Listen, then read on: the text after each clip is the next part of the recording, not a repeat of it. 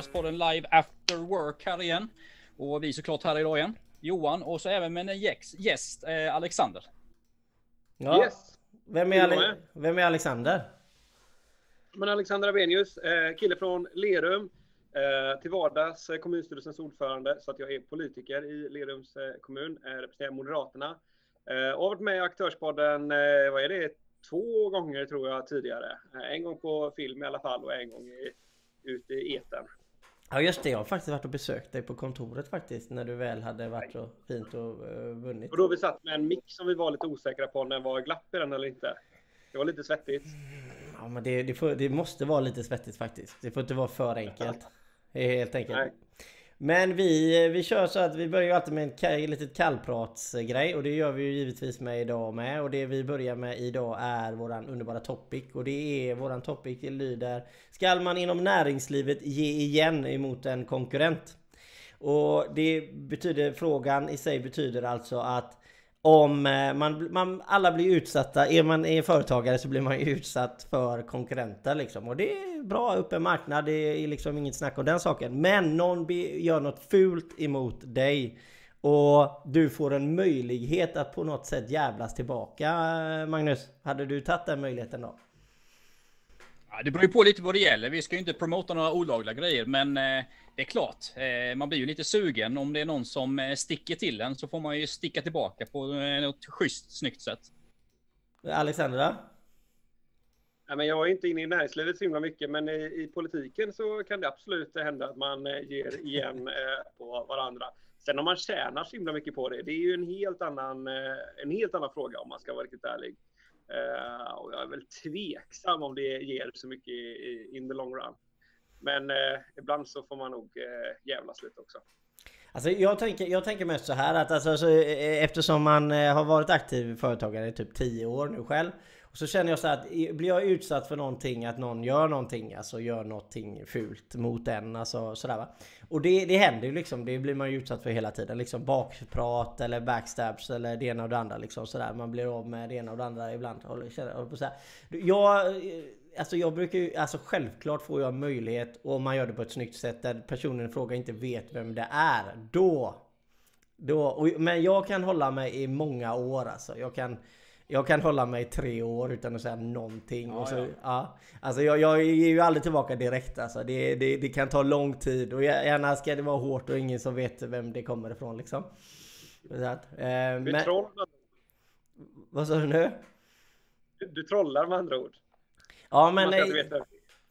Alltså ja, alltså det... Men det, är inte det lite tjusningen också? Är det, eller Magnus, är det inte lite tjusningen att kunna ge ett litet tjuvnyp liksom? Definitivt. Alltså jag tror det är likadant inom näringslivet då. Jag menar inom politik. Jag håller på med politik också. Jag menar, och det är ju rätt skönt att eh, sticka till någon lite ibland. Även som, jag, som Alexander säger, jag tror inte man tjänar på det. Men liksom man är ju bara människa ibland. Om man, eh, om man fått något sånt cheap shot på sig så måste man ju sticka tillbaka. Och speciellt om det är någon någon politisk motståndare. Liksom. Ja, men... Ja, men alltså, för det, fin det finns ju absolut ingenting eh, bättre än när man eh, eh, står i, i talarstolen och någon anklagar en för eh, någonting eller liksom kör på med något rätt så hårt argument och så vet man att vid en enda sekund i det där anförandet så gjorde den här personen bort sig så tillvida att man verkligen kan ge tillbaks med exakt samma eh, eh medicin. Eh, typ när någon hycklar i talarstolen eller vad det nu kan vara och så vet man att man sitter där med ett, ett eh, gammalt eh, eh, citat ifrån den här personen där de har sagt ungefär samma sak som de anklagar en själv för. Kan man plocka fram det där citatet och ge igen lite gött och eh, det slår ju, det slår ju liksom dubbelt så högt eh, än vad den personen som precis anklagat en själv för. Så då kan det absolut vara, vara nice att ge igen. Vin, vinner, man, vinner man på det tror du eller? Eller kommer det liksom, eller är det är egentligen bara ute att det tar... För, för jag, jag antar ju att i alla våra tre fall, eh, om jag ska tala för er, så tror jag inte att vi fokuserar på att ge igen utan kommer läget så kanske man nyper till lite. Eller vad, vad säger ni? Jag tror jag tänker så här, om allting, allting sådär, om man gör det med glimten i ögat funkar det oftast. Jag tänker så här, det finns ju ett sånt eh, eh faktiskt rätt så eh, bra exempel på det i vårt närområde eh, från två stycken företagare, två konkurrenter.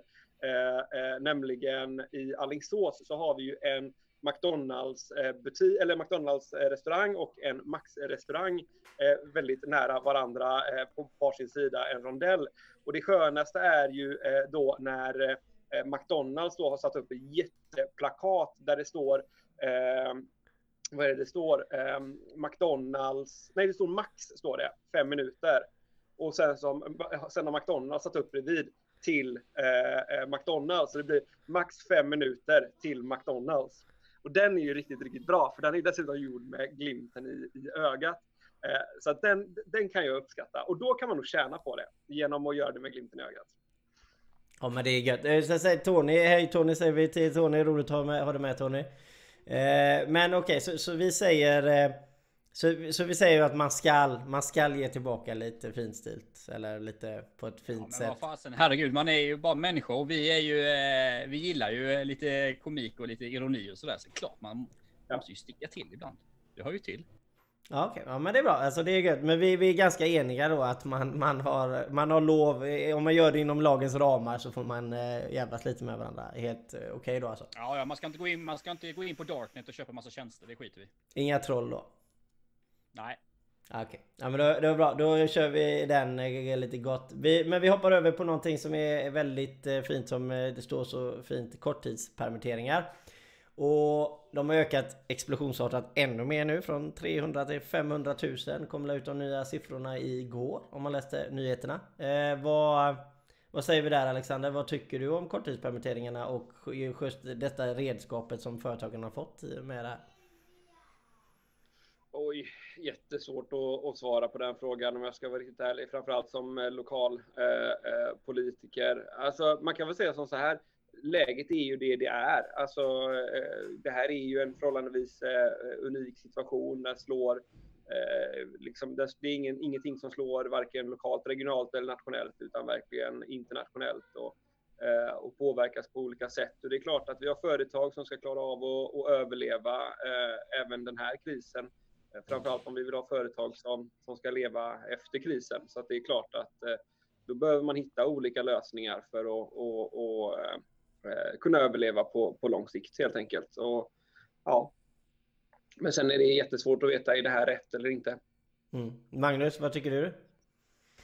Nej, men vi har ju pratat om en hel del om det här innan liksom. Och, eh, men är man liksom, jag tillhör den liberala kanten inom eh, politik och som människa och sådär också. Och det är klart att då är man inte så jätteförtjust i när man blandas i eh, från statens sida i företagande. Eh, På fri marknad ska det vara väldigt tydlig tydlig, tydliga skillnader mellan näringsliv och, och, och stat. Men det är ju fortfarande så. Nu har vi ju en situation där i princip staten och monopol på att eh, stänga ner samhället. Liksom. Och det innebär ju att de även stänger ner möjligheten för företagare att göra affärer, eh, vare sig man vill, vill eller inte. Och då tycker jag, då måste man på något sätt som stat kompensera näringslivet på något sätt. Antingen om det sker genom eh, korttidspermitteringar eller att man eh, drar ner skatter eller vad det nu kan vara. För det är faktiskt så att eh, staten har ju monopol på att stänga ner samhället och då, eh, då gör man det helt enkelt på ett sätt som att man inte kan göra affärer. Jo men eh, precis, ja, men det, det är så där med korttidspermitteringar och det är ju jättebra. Alltså det kostar, var det uppe i kostnaderna om jag inte missminner fel 95 miljarder eller någonting som hade, de hade räknat med. Ja det kommer öka, jag lovar dig, det kommer öka. Jo men det kommer det göra. Ännu mer. Jo men alltså, för, för jag pratade med en annan företagare häromdagen. Och då sa den här företagaren till mig att eh, de hade varslat då. Och då hade de varslat på grund av att eh, det är ju massa regler och det ena och det andra så att när de har tagit in personal och grejer och så kanske de har en speciell individ som typ är helt fullbokad och har jättemycket jobb att göra liksom. Eh, men så har de ju tagit in massa nya Eh, och det betyder att de kunde inte liksom korttidspermittera för då måste du permittera hela arbetsstyrkan. Och när de bara då hade liksom, eh, kanske vi säger att de var 20 stycken och 10 av de här var fullbokade men de 10 andra hade lite mindre att göra. Och då blev det så här att när korttidspermitteringarna slog på det, eh, slog för att de tänkte de ju direkt shit, vi måste korttidspermittera för det är asbra för oss, för givetvis har mindre att göra. Problemet är att det är så individuellt att man man har anlitat den personen liksom. Och det är den personen man vill ha. Så de kunde inte utnyttja korttidspermittering så de var tvungna att varsla. Liksom. Alltså det, det, behöver ju inte slå rätt eh, heller liksom. Och vad ska man göra där då istället? Men, men så är, jag tänker att så är det väl med, med egentligen med alla system som vi, vi bygger upp. Det kommer alltid finnas delar i, i systemen som, som inte, inte fungerar så det, var, så det var tänkt från första början. Och, och eh, och så vidare. Så att jag, ja, jag, jag tänker att det är inte så himla konstigt, eh, eh, utan, utan kanske snarare fullt eh, normalt att det, det blir på det sättet och människor kommer och företag kommer hamna, falla mellan stolarna och komma i kläm. Så att jag, jag tänker att det, det är såklart jättetråkigt och olyckligt för de som hamnar i den situationen, men, men man får nog ändå, man får ändå försöka se den större, större bilden som, som Magnus ändå är inne på här, som jag instämmer i det, det som Magnus säger. Och någonstans tror jag också när man gör den här typen av åtgärder, oavsett om det, vi pratar permitteringar, vi pratar olika stödpaket eller vad det nu kan vara, det är ju hela tiden, tiden en kalkyl som du behöver, en samhällskalkyl du behöver göra och se okej, okay, vad händer nu om vi inte gör detta och låter eh, företag eh, gå omkull istället? Vad, vad har vi för alternativkostnad för det? Och så får man räkna på det helt enkelt. För att inte tala om mänskligt lidande också eh, när, när företag går under. För det tror jag alla som Eh, har varit med om ett företag eh, som, eh, som man fått driva i konkurs, det är, en, det är ingen jätterolig process att behöva gå igenom. Varken för den som leder företaget eller de som är anställda på företaget. Så att, så att här, här är det ju en balansgång hela tiden och det en ekvation som måste, en samhällsekvation som måste gå ihop på ett bra och ansvarsfullt sätt. Ja, eh, alltså jag håller ju med Alexander om det mesta han säger där liksom. Det är, det är, det är som jag var inne på innan här. Nu blir det ju liksom, nu kommer ju stat och förut näringsliv närmare varandra och liksom man hakar i varandra. Och då blir det på något sätt att när man implementerar, implementerar vissa system från statens sida så kommer ju det här, för det, då, då har vi inte en fri marknad längre liksom. Och så fort vi får intrång på den fria marknaden så kommer saker och ting slå fel. Det är inget konstigt. Och Eh, det är ju likadant det man läser nu de senaste dagarna om, om till exempel fusket med korttidspermitteringarna. Alltså vi kommer alltid se fusk när, när, när det kommer komma in, vad ska man säga, gratis pengar inom citattecken säger jag då. Eh, så kommer en del oseriösa aktörer utnyttja detta. Men eh, jag blir ju extra förbannad när jag ser det här med, med fusket. Liksom, om man utnyttjar de här, vare sig det är korttidspermitteringarna eller om det kommer vara omställningsstöd eller vad det nu kan vara. Så det är för då skapar man sig en helt orimlig liksom, konkurrensfördel som företagare om man, om man utnyttjar de här systemen. Så det tycker jag är någonting som staten måste vara extremt uppmärksam på, eh, på vad det gäller fusken. Och det måste man verkligen, alltså jag, jag ska säga, man måste slå ner stenhårt på det och, eh, och verkligen plocka ner de, de som företräder det här bolaget. För det är, det är bland det, bland det värsta jag kan se när man utnyttjar skattebetalarnas pengar i så fall. Mm, för vi har... Ja, vad säger Fortsätt du Alexander. Jag tänker bara som en snabb kommentar. Det är ju generellt någonting vi eh, kan jag tycka är rätt så dåliga på i, i Sverige, just det där att eh, ta hand om fusket. Det, det gäller ju oavsett om vi pratar eh, eh, företag som fuskar eller om det är individer som fuskar eller olika organisationer som fuskar. Vi är oerhört dåliga på det. Vi kan ju bara ta ta ett exempel om man pratar om, om fusk med bidrag exempelvis som, som ju är stort har man ju konstaterat, eh, på tok för stort. Och det, är miljarder som, som eh, går åt till, till fusk i, i olika försörjningsstöd, socialbidrag, eh, bidrag då.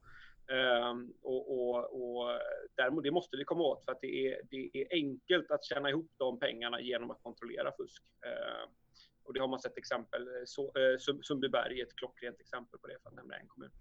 Mm, men vi ska hoppa snabbt vidare för vi har eh, Marino och Matteo som säger hej till oss. Så vi säger givetvis hej tillbaka. Hej. Hallå, hallå. Och sen har vi Karina Johansson som säger heja Magnus. Så att det är gött där. Det blir det liksom intern kamp jag heter Magnus, 1-0-0. Ja, precis. Jag leder nu, jag leder nu. Ja, och sen har vi Tony som sagt, bra sagt eh, eh Magnus. Så att det var 2-0 där direkt ja. Ja, det var det bra. Eh, men... Men någonting som jag som måste tillägga här, det som jag tycker att, alltså som är så horribelt fel.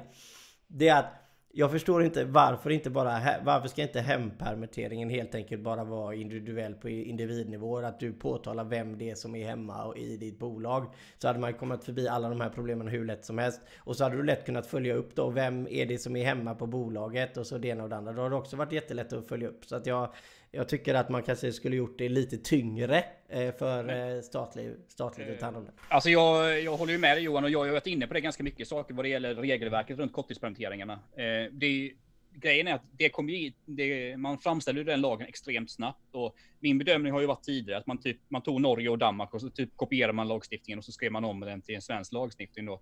Och det är ju likadant det här med. Jag har ju varit inne på det tidigare med kraven som ställs kanske på de som är korttidspermitterade och, eh, och företagen som tar emot korttidspermitteringar i stöd. De är ju allt för låga. Men jag tror ju att det här kommer omförhandlas snart och där hoppas jag verkligen att de partierna som, ja, jag ska inte nämna då, men som bryr sig om sådana här saker, eh, verkligen sätter ner foten. Att det, det, kan inte bara vara så att man, att man får bidrag utan någon slags eh, motprestation. Alltså det är superviktigt. Och där fick vi in en fin bild här uppe också. Ja precis. Nej men alltså ja, men eh, korttidspermitteringarna ska fortsätta tycker vi. Tycker vi att korttidspermitteringarna ska fortsätta kunna användas hela vägen efter semestern också? Alexander? Jag kan inte svara på det om jag ska vara riktigt ärlig. Jag är inte tillräckligt insatt på just eh, korttidspermitteringar så jag lämnar över den frågan till någon annan. Ja, jag svarar på den då. Eh, jag tycker väl egentligen så här, som hela den diskussionen vi haft nu de senaste eh, minuterna här, det är ju ändå så att allting beror ju på vad som händer i samhället. Liksom. Fortsätter den här eh, eh corona hålla på och eh, alltså det kommer ju så mycket data och rapporter hela tiden. Vi ser ju att vissa målar upp en väldigt mörk bild just nu med att det i princip inte finns någon, till exempel någon flockimmunitet. Men jag, jag är ju ingen epidemiolog så jag vet ju inte det. Men eh, min, min, min bedömning är ändå liksom att det här kommer hålla i sig ett tag och då kommer det nog, eh, jag tror det kommer bli liksom, om man säger så här, politiskt självmord att eh, ta bort dem så att säga. Vi pratade ju förra veckan lite om eh, Force eh, Major håller på att säga Men eh, heter ju inte riktigt så Men en annan som är svensk har ingen, Ja men jag har ingen klyv tunga om man säger Så att jag kan inte prata så avancerat då va eh, Så att och där, det är ju en juridisk fråga i detta och jag vet att vi tog upp detta, jag och Magnus förra gången lite för jag hade en diskussion nämligen med en person, en väldigt vettig person på eh, min Facebook-kanal eh, just om detta. Eh, och, jag bara undrar vad är, vad är eran take mot det som händer nu med tanke på det som Magnus även sa där. Det uppdateras hela tiden. Det kommer nya saker hela tiden. Alltså, alltså hur, hur kan, kan man forcera en force majeure och säga det på grund av olika anledningar att eh, när vi kan inte leverera enligt eh, överenskommelser på grund av Alltså hur, hur länge tycker ni att den, eh, den effekten kan påverka marknaden? Vi säger stora företag som ska göra ett eh, jättestort sjukhus säger vi bara vi drar till med något och så säger de nej vi kan inte på grund av Alltså hur länge kommer vi kunna köra vidare på den och eh, på FM helt enkelt? Magnus, vad har du någon känsla här? Nej, men jag tycker det är, det är, svårt att säga liksom vad det gäller detta, för det är så himla ny situation det här och världen har ju liksom inte varit med om detta tidigare. Alltså, det, det finns ju faktiskt, jag såg ett exempel, det finns ju de som har tagit höjd för detta. Det finns ju till exempel Wimbledon Tennis, alltså den eh, turneringen. De hade skrivit in i sitt försäkring, med sitt försäkringsbolag att eh, vid pandemi så skulle de få ersättning, så de cashar ut en och en halv miljard nu. Eh, så vissa har ju förutsatt det, men som sagt, det är liksom grymt svårt att säga här just nu med tanke på att det här är någonting som världen inte har räknat med. Och det det måste man ändå faktiskt rikta lite kritik tycker jag till världens ledare. För jag menar det, det här inom, eh, det har man ju hört, alltså inom forskarsamhället så här så har ju, är ju inte detta en nyhet. Det, det, är, det är många som har pratat om att detta skulle, detta skulle kunna hända och jag såg att eh, Barack Obama var ute och snackade om detta för fem år sedan att eh, det riskerar att komma en stor pandemi till världen och jag menar resultat, vi ser ju resultatet på många ställen. Det är ju otroligt många länder som är väldigt oförberedda på detta. Jag, vi har pratat om detta innan. Jag kan ju tycka att Sveriges linje utan att vara statsepidemiolog och blanda mig i liksom för eller emot-linjen så tycker jag ändå att vi har ju ändå fortfarande ett öppet samhälle där man kan göra några former av affärer, vilket är super. Så säger jag som företagare och som människa. Mm, Alexandra? Nej, men, men jag, jag, tänker också på samma sätt som, som eh, Magnus här. Sen, alltså, sen kan jag väl känna det också att eh, är, det, alltså, är det någonting vi vet så är det ju att vi kommer få den här typen av eh, Eh, Eh, pandemier eh, som Magnus är inne på. Faktum är att det är inte så himla ovanligt eh, som vi, vi försöker ge, ge sken utav, utan det här är ju trots allt, det är bara det att vi glömmer väldigt, väldigt snabbt. Vi har ju haft ett par riktigt allvarliga kriser av liknande slag historiskt sett under, under de här generationerna som lever, som lever nu. Så att någonstans så är det ju här beredskapen är ju oerhört viktig att vi har och nu kan man ju tycka då att det är extremt olyckligt att vi, eh, att vi är så sent eh, på det. Framförallt givet att vi just nu sitter med en, en stor övning eh, eh i just våra totalförsvar som ska kunna hantera exempelvis pandemier. Eh, och den här övningen drog igång i slutet 2019 och skulle hålla på under hela 2020 för att just rusta oss, bli bättre rustade inför den här typen av situationer, men även krig då. Eh, och det är klart att eh, hade vi gjort den här övningen för 5-10 år sedan, ja då hade vi nog stått avsevärt mycket bättre rustade idag än vad vi faktiskt gör. För det, det är väl någonting jag kan konstatera då som, som ledare för, för en kommun och en kommunledning. Det är att eh, vi är faktiskt inte så himla eh, eh väl rustade om, om krisen väl eh, kommer. Eh, utan vi behöver bli bättre. Och det ska man säga så här, det är inte heller ett offentligt ansvar, utan det är ett ansvar som alla har, både på individnivå, företagsnivå eh, och såklart eh, och självklart eh, på offentlig nivå. Alla har ett ansvar här att att bereda sig inför det som faktiskt Eh, kan hända. Man har ju tidigare pratat om den här 72 timmars eh, kampanjen utifall att man eh, står utan el och, och, och, och, vatten och så vidare, att man ska klara sig 72 timmar. Nu är man ju inne på avsevärt många fler timmar än bara 72 timmar. Man pratar om veckor nu. Och det är bara att ställa sig frågan, alla som sitter och, och, lyssnar och för all del kanske oss själva som, som är med i den här diskussionen. Hur många timmar skulle vi klara oss i, i, i en krissituation? Eh, jag tror inte att vi skulle klara oss särskilt många dygn. I alla fall skulle inte jag klara av det. Eh, och det, är ju, det här är ju ett exempel. Nu råkar vi stå inför en pandemi, men det är ju inte helt omöjligt att hela vår våran elförsörjning eh, slås ut, eller i alla fall distributionen av el som, som slås ut. och då har vi problem. det är väl bara att konstatera det. Och det går inte att förbereda sig för allting, men vi ska försöka vara så väl förberedda vi bara kan. Men, eh, för, ja, men jag ska bara hoppa in där. För, för jag tänker ju givetvis, alltså, givetvis på själva men jag, jag, tänker också på, alltså vi säger kommunala åtaganden då kan vi ta med dig då till exempel Alexander. Alltså just den e, ekonomiska effekten av att inte fullfölja de eh, sakerna som, som ligger eh, på dig att göra. Det är ju samma sak för en kommun som ett företag. Har man ett avtal där du ska leverera någonting och du inte levererar någonting. Och så säger vi helt plötsligt nu då att leden fallerar någonstans. Att de gör inte vad de ska göra utan de håller inte sig till avtalet. Den ekonomiska pushbacken som blir när eh, viten och det ena och det andra som händer. Det är det jag pratar om med FM. Alltså vad, vad ska vi, hur ska vi tolka de bitarna när sakerna och ting inte blir gjorda enligt tid? Skall man bli ursäktad? Hur länge ska man bli ursäktad? Alltså det, det, det, alltså det här är ju skitsvåra grejer liksom. Men vad har vi för känsla liksom? Är det över nu? Nu kan man inte använda force eh, major längre liksom. Är det över nu liksom? Har vi förstått innebörden nu? Fast jag tänker nog så här ur ett mer principiellt eh, eh, perspektiv och utan att gå in i, i force majeure mm. så, så kan jag ju tycka det att eh, det här handlar ju om att ett, ett helt samhälle ska, ska hålla ihop i den här typen av situationer och det går ju åt båda hållen. Det handlar inte bara om att den som ska leverera och som inte kan leverera eh, ska, ska bli accepterad för att man inte kan leverera utan det går ju även åt andra hållet då, att man får ju se till att försöka leverera absolut så, utifrån sin absolut bästa eh, förmåga och hjälpas åt i, i, i en sån här eh, situation. Alltså det där är ju någonting som, får man ändå säga, vi är väldigt eh, eh, får man säga så här, vi är väldigt lyckligt lottade att vi inte har varit med i, i, i krig och att vi har levt i fred så oerhört länge i, i vårt land. Eh, men, men det är ju bara att konstatera det att när du hamnar i, i, i en sån situation Eh, som exempelvis i krig, då lär du dig att, eh, att arbeta tillsammans, stötta varandra, hjälpa varandra. Där har inte vi varit på, ja, vad är det man pratar här, det är, det är ju rätt många hundra år som inte vi varit direkt inblandade i, i, i krig. Ehm, eh, så att, så att vi, vi eh, jag, jag, tror så här, ur ett principiellt perspektiv så behöver vi bara se till att vi försöker hjälpas åt och då, det innebär ju också att man måste ha förståelse och, och viss acceptans för att alla inte kan leverera givet den situationen man har hamnat i. Då. Eh, så att det, det, det är någon form av ömsesidighet här som, som behöver till.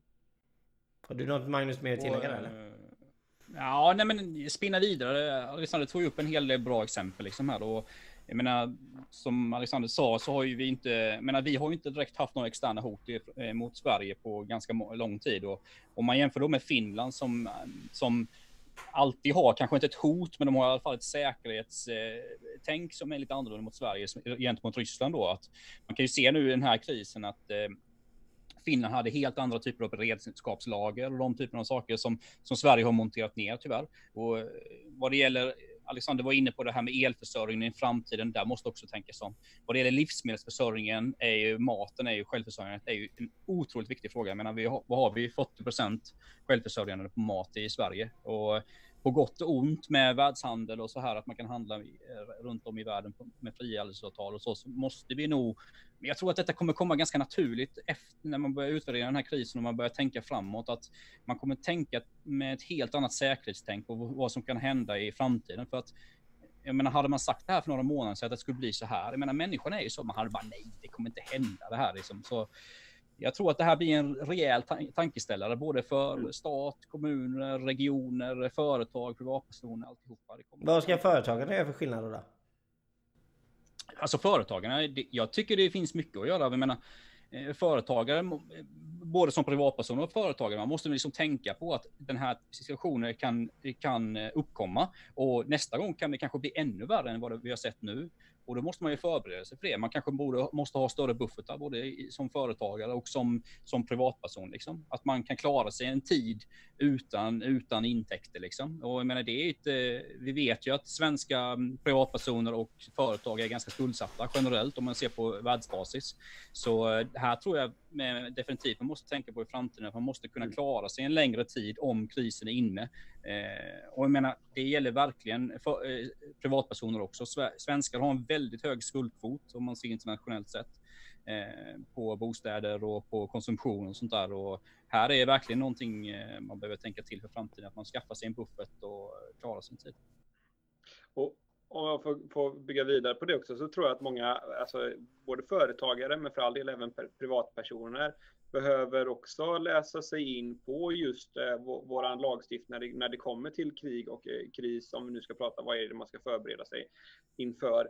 För faktum är att vi har en lagstiftning i Sverige, och det kan man tycka om man vill om, men vi har ändå en lagstiftning i Sverige som säger det att, att staten har möjlighet att, att eh, eh gå in och göra rätt så stora Eh, eh, övergrepp på, på företag om det är så att eh, eh, krisen kräver det. Du kan, eh, staten kan exempelvis, bara för att nämna ett konkret exempel, skulle kunna ta eh, en utav, eh, eh eller ja, flera utav våra livsmedelsbutiker och bara beordra att du ska, du ska lämna ifrån dig alla dina varor exempelvis för att eh, försörja, eh, försörja befolkning eller det kan till och med vara så att du, du får en militärförläggning som, som läggs, eh, eh, förläggs eh, på din, i, i din närhet och att du behöver försörja den med, med mat och så vidare. Alltså det finns många stora, stora olika ansvar. Och det är väl också sånt som jag tänker sådär att det är, allting handlar ju om att vara förberedd utifall att någonting liknande händer. Så man bör nog i alla fall ha koll på, minimum kan ju vara i alla fall att man har koll på vad ens skyldigheter är. För det blir ju, skyldigheterna blir ju en risk också såklart. Eh, om, det nu, om man nu så att säga har en livsmedelsbutik. Då. Men vi har ju monterat ner eh, aktie, aktiekapitalet totalt. Från 400 till 100 till 50 och så är det 25 nu eller? Eh, alltså vi har ju totalt monterat ner den här risken och jag menar vi har ju, jag har ju varit en stark motståndare till detta ganska länge om man säger i generella perspektiv. Så, så, så man, man menar att med, teoretiskt sett så kan vi säga att vi har skjutit oss själva i foten nu då?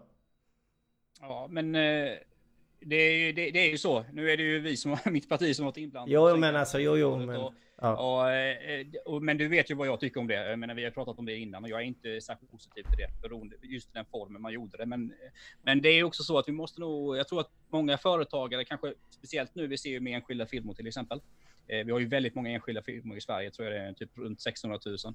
Och eh, där är ju någonting man, man borde också fundera på, eh, kanske i framtiden som företagare, att man ser, ser om sitt eget hus, liksom hur man ska arbeta i sitt företag. Ska man ha ett aktiebolag eller ska man ha ett, en enskild firma och så? För det är ju ändå, det är ju ganska väldigt olika lagstiftningar, de här företagsformerna. Och tyvärr ser vi ju den bistra, det ser vi ju det bistra resultatet just nu, att eh, det är svårt att lagstifta med åtgärdspaket och korttidspermitteringar och sånt när det kommer till enskilda firmor beroende på att lagstiftningen är helt annorlunda.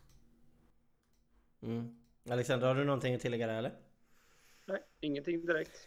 Per S säger ett mycket trevligt avsnitt. Tycker speciellt att Magnus är briljant idag. Måste lämna och flytta fokus. Trevlig helg. Ja, okej okay då. Men är det för, jag tror det beror på att min studio har du... Liksom, jag har ju liksom... Ja. Jag har ju byggt om min studio så jag känner mig riktigt taggad idag alltså. Det känns som någon har kuppat här. Men... Eh, det, det var nog de där Dar Darknet-trollen som Magnus har skickat in. ja, i varje parti så har man ju en liten flock man kan ringa på om det skulle vara någonting, det vet du ju. Det, det är viktigt. Det är faktiskt väldigt, väldigt viktigt.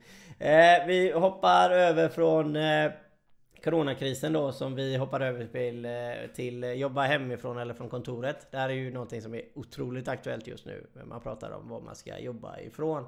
Vad eh, har vi för grundinställning Alexander? Vill du, tycker du det är bra att kunna jobba hemifrån? Det där, det där tror jag är helt individbaserat om jag ska vara riktigt ärlig. En del har förmågan att eh, till och med bli mer effektiva när de jobbar hemifrån. Och en del klarar inte alls av eh, att hålla disciplinen uppe. Så jag tror att det där är helt individuellt. Jag tror, jag tror att som, som eh, företag så, så oavsett om det är något offentligt eller om vi pratar den privata näringen så, så får man nog avgöra det från, från fall till fall. Eh, Lerums kommun exempelvis så, så, har vi ju sagt att eh, kan man jobba hemifrån så ska man jobba hemifrån och det säger sig självt att ja, en förskollärare kan inte jobba hemifrån.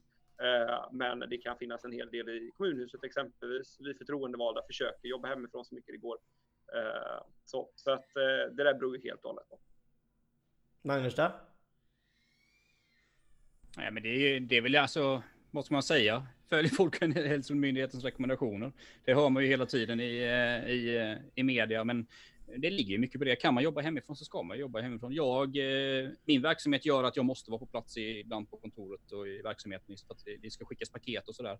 Men jag jobbar kanske 50-60 procent hemma och mm, ja, 40-50 procent på, mm, på kontoret. Så jag menar, det är ju så. Man måste ju överleva och eh, då får man ju anpassa sig efter den verkligheten som är. Och, eh, men kan man jobba hemifrån? Absolut, det är ju superbra. Men det är ju förbannat tråkigt i längden. Men om vi vänder på frågan så säger vi att coronakrisen inte existerar längre och så ställer vi frågan igen. Jobba hemifrån eller jobba på jobbet? Alexander? Mm. Samma sak där, eh, men i slutändan så får ju det chefen som får avgöra. Eh, för det där, det där kan ju vara, alltså det, det går ju mycket kultur i det där också. Det, det märker man ju otroligt tydligt. Eh, vissa personer som man pratar med är ju superinne på det att jobbar man så ska man jobba på kontor medan vissa, vissa släpper fram det helt och hållet. Jag tänker fortfarande att det är oerhört individuellt. Eh, frågan är om inte vissa personer har blivit ännu mer eh, eh produktiva genom att jobba eh, hemifrån. Eh, jag, för egen del som sitter otroligt mycket möten på dagarna. Alltså det, det, eh, det är ju knappt så att jag hinner få någonting gjort mellan alla möten eh, som man sitter i. Då är det ju väldigt skönt att, att vara hemma och faktiskt få lite tid eh, till lite mindre möten eller färre möten och eh, mer eh, tid att faktiskt få kavla upp ärmarna och göra saker. Så att jag kan nog till och med bli mer produktiv genom att jobba hemma. Så det kanske är någonting jag ska göra efter corona. Får se. Magnus då? Nej, nej men alltså generellt så tror jag ju att människor mår bra av att gå till en arbetsplats. Liksom. Man, man stiger upp på morgonen, eh, tar på sig kläderna, tar en dusch, lämnar barnen på eh, skolan och sen åker man till sin arbetsplats. Det är, jag tror det är ganska bra för människan att ha de rutinerna. Liksom. Eh, sen återigen, det är ju individuellt som Alexander säger. Eh, jag tror ju att det är mer produktivt att jobba på ett kontor. Det är min egen åsikt. Eh, men det man kan säga om den här, det som har varit, om det är så att vi kommer fram, kommer, kommer till liksom ett normalläge här snart igen. Jag menar, jag tror ändå världen har tjänat grymt mycket på det sättet, att man har lärt sig liksom att man kan ha digitala möten och sånt. Jag menar, Alltså om man, kollar, om man går in på liksom vad det gäller liksom klimat och miljö och sådana saker så tror jag definitivt att detta är ett bra sätt att och även e- effektivisera i bolag. Liksom att man behöver inte spendera lika mycket pengar på resande och resekostnader och sånt där. Det går, det går himla fint att sätta upp en liten eh, studio på kontoret och ha möten eh, ungefär som vi har här liksom. om jag ska tycka vad jag tycker så tycker jag att jobba hemma är totalt hjärndött. Att det borde totalt förbjudas. Nej men alltså i princip. Jag tycker att Eh, ska man som arbetsgivare ansvara för sina arbetstagares hälsa och de inte är på arbetsplatsen så kan du inte uppfylla ditt behov som arbetsgivare och därav kan du inte hålla koll på vad som händer med din personal. Du kan inte bygga team på samma sätt. Eh, jag tror att i det långa loppet att effektiviteten blir sämre. Alternativt att man jobbar mer för att få gjort det man bör få gjort. Eh, och på det sättet det blir mycket mer lättstörd. Alltså jag är så här, du vet givetvis så är, behöver inte det betyda att jag har rätt det jag tycker men det är min åsikt att jag, jag tycker ja, att... du är ju arbetsgivare. Ja jo, det, det är möjligtvis så men eh, Eh, alltså jag säger inte det att man inte ska absolut aldrig få göra det. Det är klart att det finns tillfällen där man skulle kunna tillämpa det och det fungerar bra. Men att lägga upp det som en generell arbetsnivå, att man är hemma. Alltså jag, eh, alltså jag tycker det är så underligt. Alltså jag, jag förstår att arbetstagaren tycker det är hur bra som helst. Att man är, kan göra precis vad man vill och man kan gå och ta en lunch när man vill och man kan göra det man vill. Men liksom eh, teamkänsla och hela den här biten det är... Jag har svårt att se hur man ska bygga den på avstånd liksom. Eller vad... Eh, har jag helt fel eller? Men frågan är väl om det, om, det, om det behöver vara en etta eller en nolla i detta. Utan jag menar, det kan ju vara så att du hittar nya, helt nya former Eh, eh, för det istället. Att du, eh, du kanske till och med gör så, leka med tanken, ja du kör eh, att fredagar så jobbar du hemifrån, punkt slut. Och det är där du liksom ska runda av veckan eh, och, och, och liksom göra klart slutspurten. Om du nu blir mer produktiv utav det, då kan ju det vara, vara helt fine, eller mitt i veckan för all del. Och så, och så när, när ni väl har, man har de här teammötena och, och när man ska prata ihop sig och, och, och hela den här biten, ja då får man ju se till att vara på jobbet. Eh, så jag, jag, tror att det där, är, det där är ju jätteindividuellt. Det är klart, vi skulle ju aldrig klara av, eh, vi förtroendevalda, och, och bara köra hemma. Det skulle ju aldrig gå. Eh, utan jag är ju ändå kanske på, på kontoret eh, 60% av tiden ändå. Okej, okay, men för, alltså det, det, finns bara ett för och det finns bara ett emot och du får ju antingen vara för eller emot Alexander. Du vet ju vad vi tycker om ja och nej-frågor. Ja, men det är alltså det är ja och nej här nu bara. Det är ja eller nej. Jag är emot. Okej, okay, Magnus är emot. Det är nej där och Alexander? Nej, att, att, att, jobba hemifrån dygnet, eh, eller ja, hela tiden, eh, nej, då är jag också emot. Okej, okay, men det är bra. Då var vi alla tre. Och då ska vi säga Kifa säger hej och då säger vi hej så mycket. Och så Tony säger att det är svårt att jobba hemma effektivt, eller jobba hemma och bli mer effektiv som billackare. Eh, det... Men det kan jag väl i och för sig ha en viss respekt och förståelse för. Ja. Ja men givetvis, eller vad heter den, den gamla härliga reklamen? För helvete Karlsson, du är hjärnkirurg eller vad, vad, vad var den? Ja, den är ju också lite speciell. Eh, ska vi se, ska vi hoppa vidare från eh, eh nu hoppar vi över på någonting som är företagande men högst är aktuellt för er givetvis. Eh, bild, video eller text. Eller bild versus video versus text. Det här är ju någonting som är grymt eh, på tapeten hela tiden för alla som överhuvudtaget vill synas. Och det vill ju ni två också. Så vi börjar... Mm. Ja, kör Magnus. Ja, nej men jag tycker ju video definitivt. Eh, video är överlägset på många sätt. Eh, dels att man kan prata ganska fritt som här, man kan få, en, få ett ansikte på en person. Och sen tycker jag också när man uttrycker sig, men när man, man får med liksom ansiktsuttryck och sånt där. Jag, jag, tycker det är lättare att förklara sig på, eh, på en video. Text är alltså ganska svårt eh, många gånger. Eh, för man kan, man kan skriva någonting själv liksom och så eh, mottagarna kan uppfatta det på ett helt annat sätt. Medan eh, video här som vi pratar, jag tror att eh, mottagaren uppfattar det mycket enklare. Så jag tycker video är överlägset. Så jag sätter eh, video som nummer ett, eh, bild som nummer två och text som nummer tre. Kanske bild och text där ihop på något sätt. Ja. Alexander? Uh, nej, samma, egentligen samma inställning uh, som Magnus. Uh, sen är det ju som all, all typ av marknadsföring beror ju helt och hållet på vad, eh, vad det är du vill eh, få ut av din kampanj. Eh, Johan, du eh, noterade ju en av de valkampanjerna som Moderaterna hade i valet i, ja, nu senast då 2018. Eh, det var ju eh, text på den kampanjen, fast den var ju lite speciell då, där, där vi stod med en banderoll i det fallet då, längs med vägen och så var det tuta för Moderaterna, som ju kanske var ett litet annorlunda sätt att kampanja, inte helt unikt, men, men något annorlunda. Um, och det är klart att det är ju ett sätt, då blir ju texten det som är, är slående i, i det fallet. Uh, och, och, det är klart att hade vi stått där med en banderoll och så tutar Moderaterna och så hade vi gjort en film kring det och så lagt ut på i sociala medier så, så hade det ju varit fullständigt meningslöst. Uh, så att det där är ju liksom från fall till fall såklart, men på det stora hela Alltså, vi, vi, du får ju in så oerhört mycket mer i en, i en eh, video. Eh, helt klart.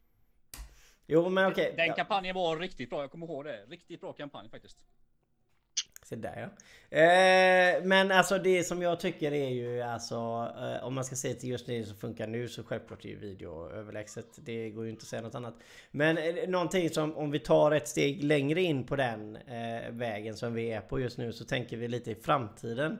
Eh, för att just, just om man ska göra ju någonting just nu så är det sånt här. Men när, som Eh, människa som vill synas, man vill ju hela tiden hitta det nästa stora eller det som slår näst, det som blir bättre sen så att säga. Och min, min tanke är lite så här att eh, vi får ju så himla mycket impressions överallt. Alltså vi, liksom det här med filmer. Vi, vi, ser mycket filmer, vi ser mycket texter. Vi ser, alltså det känns nästan som ibland så att man blir helt kortsluten av grejer liksom. Alltså det blir för mycket. Och då är min fråga till er. Är det inte så att ordet, ge ordet liv håller på att säga.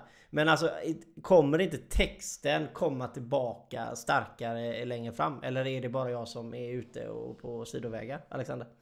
Nej, jag, jag tror inte att eh, texten kommer komma tillbaks. Eh, inte som någon eh, stark eh, konkurrent eh, eh gentemot video och inte heller bild.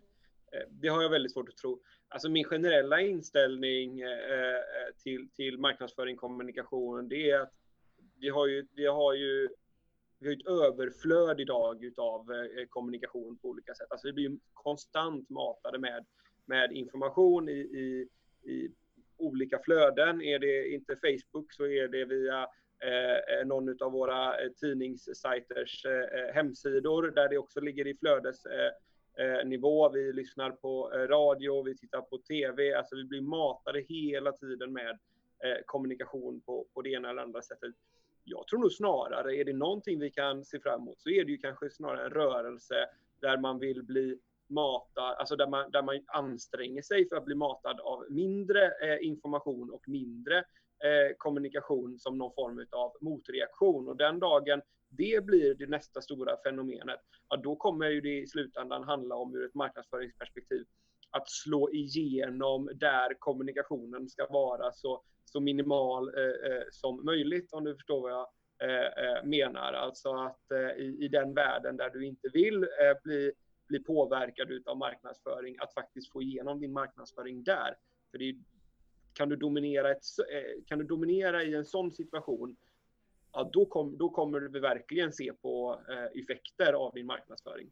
Thomas Pettersson Liljegren säger håller med Alexander. Förr gick, man på, eh, förr gick man på teater, nu ser man på Netflix. Mm. Så är det. Ja. Alltså, jag, alltså, jag, jag håller med dig. Jag, jag tror i och för sig text har ju en jag tror, jag tror det finns en framtid för tech också. Jag vet inte om... Jag, jag prenumererar på The Athletic. Det är ju en sån sporttidning. Eh, riktigt stor sporttidning. Jag är ju sån Eh, Eh, Arsenal-nörd.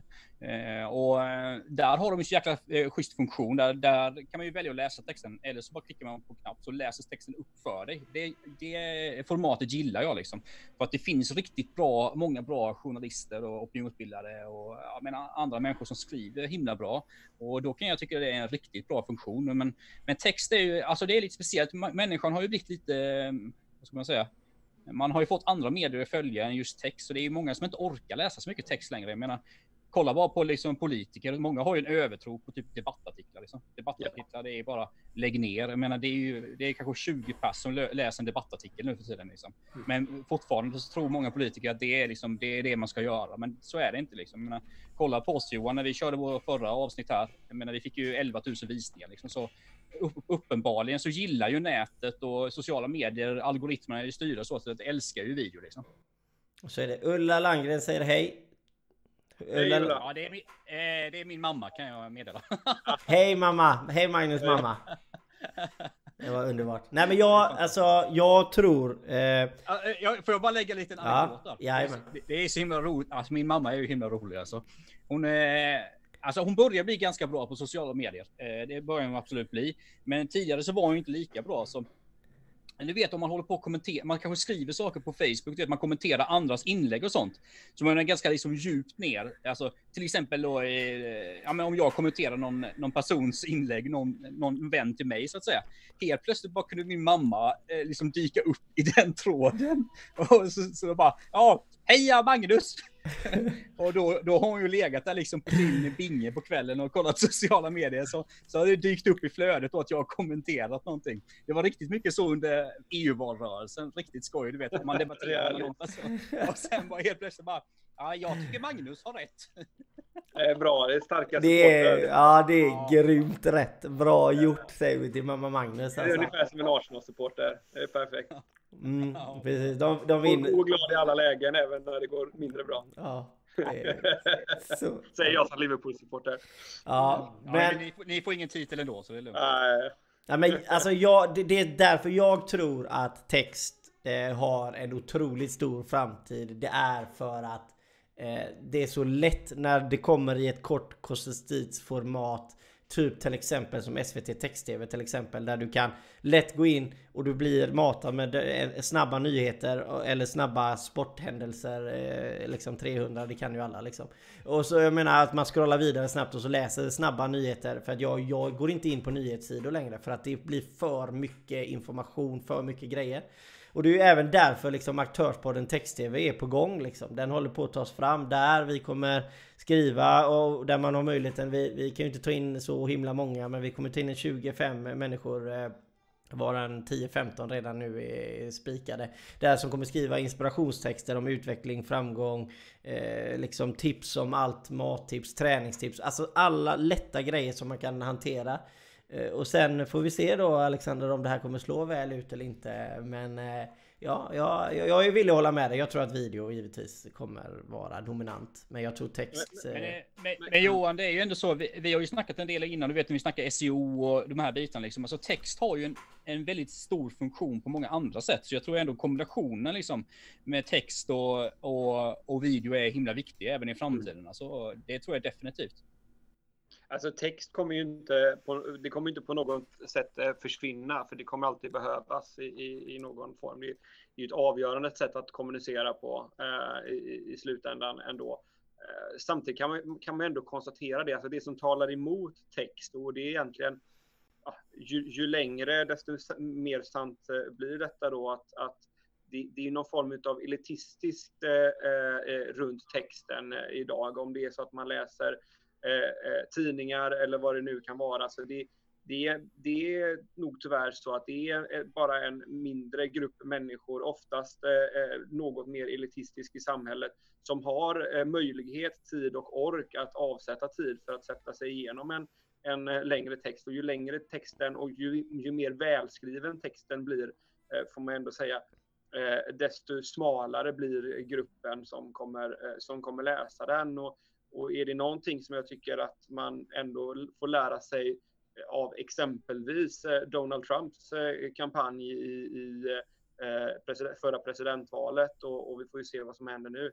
Det är ju att skall du slå igenom idag så är det de korta, rätt brutala, eh, känslomässiga eh, sätten att marknadsföra sig på eh, som kommer slå igenom de kom, den, de, den kommande tiden. Eh, Medan de som eh, de mer filosofiska som, som eh, eh, inte svarar ja eller nej rakt av på en fråga som, som jag själv då, eh, kommer ju inte slå igenom på, på samma sätt. Eh, det, ja, men, det, är lite min analys och det talar emot texten. Både, både ja, ja, kanske. Men jag, om vi ska gå in på det här med förhållningssätt så absolut. Alla människor uppskattar eh, att hellre få ett ja, även om ja kanske inte är ett ja, utan det är ett kanske. Men hellre få det till sig. Eh, och där kanske... Att du blir, känner att du har blivit lurad utav jaet. Det, det är ju det som är det, det, är det som är Nej, men helt plötsligt så slog ju det tillbaka. Då blev det så här, ja men nu förstår vi att det kanske var ett kanske, okej, okay, men det var bättre att han sa någonting. Alltså, ja, du pratar, du, du, du menar människor, som, eh, men ytterst få. Ja. Ni pratar lite kanske om eh, det här kommunikationen man har från Folkhälsomyndigheten sådär kanske rekommenderar. Eh, det finns inte. Det finns inte tillräckligt bevis och vi vet inte det. Alltså på gott och ont är det ju så att jag menar Folkhälsomyndigheten just nu, jag menar, de kör ju, det är ju det är skitfarligt hur man kommunicerar ju, för att man, man vill ju liksom inte sätta, måla in sig i ett hörn heller, så jag kan förstå att man har den kommunikationen man har liksom på något sätt. Att liksom, ibland är ju liksom inte allting är ju inte svart eller vitt på något sätt, så, men det blir ju rätt, jag måste erkänna, det blir ju rätt komiskt ibland att lyssna på de här presskonferenserna mm. faktiskt. Ja, ja, om man orkar kolla igenom. Men eh, vi ska gå igenom till vårt absolut eh, bästa scen, eh, ämne. Eh, hade du rekommenderat eh, en, eh, din bästa vän att starta företag i Sverige idag? Alexander? Absolut. Eh, det hade jag absolut gjort. Jag, är, jag vet ju själv med mig att när jag släpper den här karriären så, så, så är det som företagare. Det är där jag har mitt sikte. Och någonstans är man väl alltid närmast sig själv. Så att, ja, och jag skulle nog rekommendera någon annan, att min bästa vän då, som får vara någon annan och inte mig själv. Ja, du, du får ju berätta mer nu. Nej, jag, nej, nej, jag kommer inte avslöja vad jag tänker göra. Men, eh, men jag tänker absolut eh, Jag vet. Eh, företag. Magnus, vad tror du Alexander kommer göra efter att han har slutat? Alltså om man, om man kollar på tv just nu så är det ju väldigt i ropet här med före för politiker som blir PR-människor. Så jag tänker ju att mm. Alexander Abenius, han kommer han kommer starta en PR-firma och så kommer han liksom lägga fram smidiga förslag som han bara genom sitt kontaktnät bara glider ut i, i politiken. Det är PR, PR-guru. Han seglar fram. Precis. Det är ett internskämt. Om ni inte känner Alexander så är han väldigt, väldigt duktig på segling. Så det var därför jag tog den lilla grejen där. Men Magnus då? Hade du rekommenderat din eh, bästa vän? Eh, oh, just nu, alltså just nu är jag ju rätt tveksam måste jag erkänna. För att jag vet ju, eh, jag vet ju själv hur tufft det är just nu. Alltså med, med företagande i, i dagsläget liksom. Och det är ju ändå så att Eh, som företagare, så cashen måste in så att säga. Det, det, är ju en väldigt annorlunda situation än om man eh, är anställd och har de trygghetssystemen som är kopplade med, med anställning. Så att, eh, men det är klart, man har ju väldigt stor frihet med företagande också. Man styr sina dagar väldigt mycket och så där. Det finns ju jättemånga positiva sidor. Så, men det är lite, lite som man, hur man är som person också. Liksom. Jag menar, på samma sätt som jag kanske inte passar jättebra mot att vara anställd och um, ta, ta order så att säga så passar jag kanske bättre som företagare. Så det beror nog på vem som är som person. Men i nuläget att starta företag just, just nu, då hade jag sagt vänta lite tills eh, coronan har lagt sig och var kvar på ditt eh, arbete och så har du de eh, sociala tryggheterna med dig. Eller så här, Thomas säger det borde vara en skyldighet att starta företag. Då skulle alla förstå hur samhället hänger mm. ihop. Får jag, det tror jag är jättebra. Får jag lägga till en dimension där då? Ja, ja, kör på det borde vara en skyldighet att engagera sig i politiken också. För att förstå hur det offentliga eh, fungerar. Någon form utav... Snark! Snark! Skulle, vi skulle kunna, man skulle kunna säga som så här. Inför flera värnplikter i Sverige. En, eh, en eh, eh, vad heter det, demokratisk värnplikt, en näringslivsvärnplikt eh, och kanske för all del även en värnplikt att jobba inom vården. Säger jag, och det är ingen jättemoderat tanke, men jag säger det ändå. Man får, ha, man får ha tankar. Det är helt okej. Magnus då? Intressant. Nej, men intressant tanke som eh, Alexander hade där. Alltså, jag tycker ju, alltså om man säger det här med engagera sig i politiken, det, det, men där har en, del, en hel del politiker har sig själva att skylla där på att säga på att det är ju så att politik är, är ju nu för tiden med den liksom medieexponering man har och så där kan det vara, ibland vara svårt att, alltså även som liksom lokal eller regionalpolitiker att eh, att ibland eh, uttrycka sig på ett sätt som alla blir nöjda liksom. Men eh, jag tycker ju att vad det gäller demokratin i Sverige så vore jag ju jäkligt glad om fler människor engagerade sig. Och inför valen så hade jag önskat, önskat att eh, det blev mer liksom, eh, att man kryssade mer i, i, valen. För det är ändå så att vi lever ändå i en, liksom i en demokrati och som, som valsystem och sånt ser ut just nu så är det ju om man ska vara helt ärlig så är det ju partierna som väljer i princip eh, typ riksdagen. Det är ytterst få som är personkryssade. Så där tycker jag hade, på så sätt hade det varit skoj om folk, fler folk engagerade sig liksom och satte sig in i personer och vem man vill ha som företrädare. Men vad var, fast jag kommer inte ihåg, nu kommer vi in mer på politik. Vad var frågan där Johan? Skulle du rekommendera din bästa kompis att starta företag i Sverige idag? Ja, men den, den, har, den, har jag, den har ju jag redan svarat på ju. eh, men alltså om jag ska jag svara på samma fråga så hade jag svarat eh, nej. Eh, på grund av Eh, om vi bara tar de senaste krissakerna som har hänt just nu med tanke på att eh, företagarna ska, måste vara bättre rustade för krisen. Vi måste ha mer pengar och så vi måste ha dittan och vi måste ha dattan och så tänker jag att ett generellt företag går knappt 5% i vinst. Jag menar det är 50 000 per miljon i vinst och så ska du liksom bära runt eh, anställdas löner och så ska du ha 5% i avkastning som du ska spara i 10 år bara för ifall det kommer en kris. Så jag tänker, nej men nu, nu målar jag upp världens bild här men eh, ja det låter ganska eh, illa om eh, att jag skulle rekommendera att starta ett företagande som välver om det hela ditt liv när du väl har gjort det. Så just nu med det som händer just nu så har jag gått från ja till ett fet nej. Eh, kan jag säga. Så att var var vi någonstans? Alexander var ett ja. Magnus?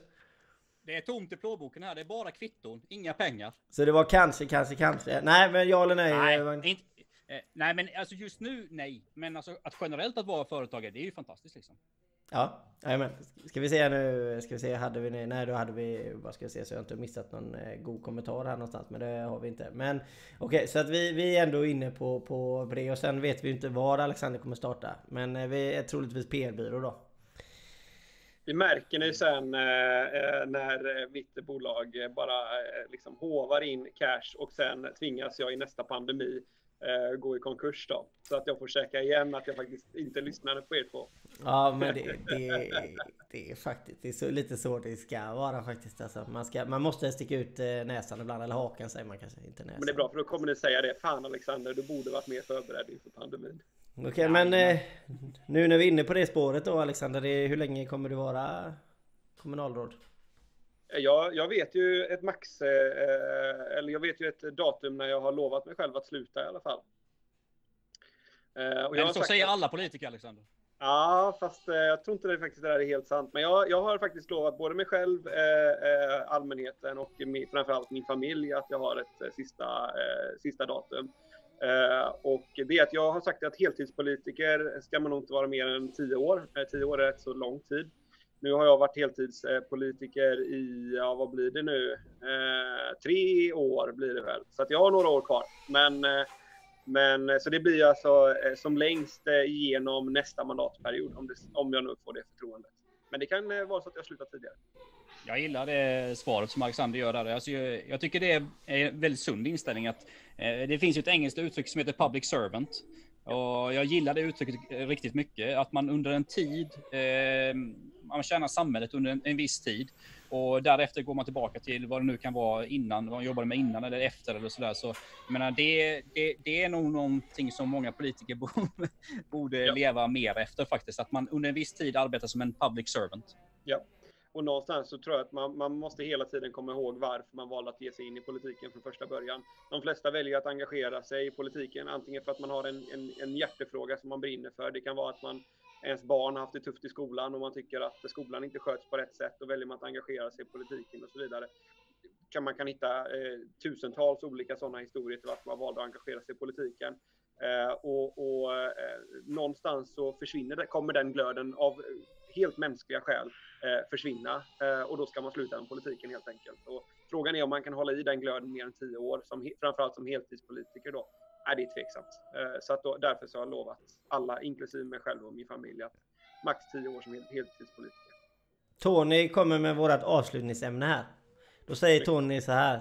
Tror ni att förtroendet ökat för politiker under coronakrisen? Eh, ja, det tror jag. Eh, absolut att det har gjort. Inte alla politiker, men det är ju rätt så tydligt att det har gjort det för regeringen eh, på det stora hela. Det kan man ju se på opinionsmätningarna för, för Socialdemokraterna exempelvis. Så att det vågar jag nog ändå säga utan att vara någon opinionsexpert eller analytiker att det, det har eh, gått upp. Sen får man ju se hur det blir efter coronakrisen. Det är då det egentligen blir intressant på, på riktigt, för det är då, det är då folkets dom kommer kring själva hanteringen. Det är väldigt svårt att se när man står mitt uppe i det, eh, hur man faktiskt har hanterat det. Men jag vågar nog påstå att det har gått upp. Men risken är ju att det fullständigt kollapsar efter coronakrisen. Men det får vi ju se. Eh, det är då vi har resultatet på hur man har hanterat det. Det är min bild. Magnus? Mm. Nej, men jag, jag håller ju med Alexander. Jag tror, jag tror att väldigt många människor har nog sett liksom att eh, när det väl blir en kris eller väldigt tuffa tider så eh, går typ politiker, man lägger liksom sidan ganska mycket saker vad det gäller att skrika på varandra och kritisera varandra. Jag menar, och jag, jag menar, även om inte jag, jag är ju inte Socialdemokraternas största fan, det vet ju de flesta. Men det är ju ändå så, jag får ju ändå säga att eh, regeringen har ju gett ett liksom lugnt och samlat intryck liksom. Och, och eh, oppositionspartierna, liksom med Moderaterna och så här, har ju också gjort ett jäkligt bra eh, jobb tycker jag. Att liksom, ja, men liksom, eh, inte vara för påstridig och göra det som är bäst för Sverige. Så jag tycker liksom i, än så länge så tycker jag detta har varit en, en stor eloge för liksom hela politiska systemet faktiskt helt, helt enkelt. Men ladorna är ju tomma. Men, men, men det, det kommer nya tider. Var så säker. Nej, jag var tvungen att skoja lite där med att ladorna var tomma. För det hade vi ju ett fint uttryck Nej, men, av en, Men Johan, vad det gäller ladorna är tomma. Det, det är ju ändå så liksom att Eh, alltså, vare sig man är höger eller vänster eller vad man kan vara, liksom i Sverige politiskt, det är ändå så att de flesta partier, nu säger jag de flesta, har ju ändå, liksom, har ju ändå som utgångspunkt att man, ska, eh, att man ska hushålla med pengar och man ska hålla en låg statsskuld och de här bitarna. Och jag menar, det är, vi är ju här idag, Sverige har haft en statsskuld på 35 procent och jämför det med liksom Sydeuropa där man kanske har 135 procent eller upp mot 150 procent. Och detta är ju både liksom en, även, så, även om man gillar alliansregering eller borgerlig regering eller eh, så vi har ju en tradition av att hålla nere skulderna liksom från alla partier och det tror jag är skitviktigt för att när den här krisen är slut och vi behöver liksom starta om samhället på något sätt igen, då har ju ändå Sverige, vi har sparat i ladorna, menar på något sätt, det finns ju ändå, finns det ändå pengar att liksom att sprida ut genom att man kanske kan öka sin statsskuld lite och få igång ekonomin. Men för många länder, för många länder, alltså jag, jag är, jag är jäkligt orolig för många länder. Kolla bara ner i Sydeuropa liksom. Alltså hur ska man få igång det här igen utan att eh, gå omkull? Liksom? Jag, jag har svårt att se det alltså. Ja men jag är ju inte politiker och jag kommer antagligen aldrig bli politiker heller. Men jag är väldigt stolt för att vara svensk. Eh, alltså generellt sett. Och det är det jag säger till när folk pratar med mig. Jag tycker, precis som ni båda är inne på, Eh, jag tycker att, alltså är du vänster, höger eller vad fan du nu är håller på att säga. Så tycker jag att det känns faktiskt som att man har gått ur sandlådan. Även om det, man kanske inte är i sandlådan men det kanske uppfattas så av andra människor att det är mycket pajkastning liksom. Jag känner det, det är väldigt lite pajkastning överhuvudtaget. Det är väldigt mycket konkreta grejer hela tiden och jag tycker det är en stor eloge till egentligen alla eh, partitillhörigheter idag liksom. Det kanske finns någon enstaka som man inte ska nämna i namn liksom som man kanske tycker är lite. Men alltså annars tycker jag det är grymt bra. Faktiskt. Och avslutningsord Alexander? Nej, men riktigt kul att vara med. Eh, jag fick ju med min gröna växt här i bakgrunden också. Så jag är görnöjd. Eh, och min lilla eh, bild i bakgrunden också. Jag har byggt upp en hel studio här i, i kommunhuset. Du får nästan dra kameran. Kan du inte dra kameran mot bilden så vi ser hela då? Hela bilden där. Ja, vi ser bara halva ju. Klart vi löser det. Jag, jag, jag, jag har en hel vägg. Och jag kan säga att jag är med på varenda bild så att eh, ni förstår ju vilken narcissist jag är. Helt, eh, Annie det fortsätter helt, hela vägen där. Helt rätt. Helt det, var, rätt. det var bland det första jag gjorde när jag valdes in på det här, eh, på det här ämbetet och eh, fick det här fina kontoret att eh, sätta upp bilder på mig själv. Så att ja, där har ni ju vilken trevlig typ jag är egentligen. Alltså, jag Men jag är ärlig i alla fall och det är väl det man förväntar sig av en politiker. Jag älskar det. Ja. Magnus, avslutningsord? Ja, Nej, men jag tycker det här var riktigt bra. Jag var ju lite orolig att, eh, för ibland blir det med sådana här Zoom-möten att liksom alla snackar i mun på varandra. Men man, man märker ju här att man, när vi tog med Alexander, han är ju en van talare och är van att vara framför kameran och eh, sånt där liksom. Så då blir det liksom himla enkelt att fördela ordet. För annars kan det vara lite svårt om man är fler än två personer. Så jag, alltså den där Alexander, han får vi nog eh, ta med någon mer gång kanske Johan, eller? Vi får se. Ja, ja, det tycker jag. Absolut. I, i, och, med att, i och med att Alexander då visade sina fina båtar där så tänkte jag, ja, jag kan ju visa mina dashboards som jag har här på väggen. Jag har noterat dem. Ja, vi jobbar ju, vi utvecklar ju typ eh, nyckeltal och sånt för bolag som eh, man kan ha på väggen som visar olika nyckeltal och så där då. Så även på surfplattor som man kan gå runt med på bolag och kolla. Ja, den här maskinen funkar den fint eller ja, det här nyckeltalet eller vad det kan vara. Så nu har jag gjort lite reklam för mitt bolag också. Det var smart. Det får man göra. Det är helt okej. Eh, men eh, vi har gått fem minuter över tiden så jag menar vi får säga tack så hemskt mycket från eh, Aktörspodden och Företagssnack från Johan och ni får säga hej då ni med. Mm. Ha det gott! Hej!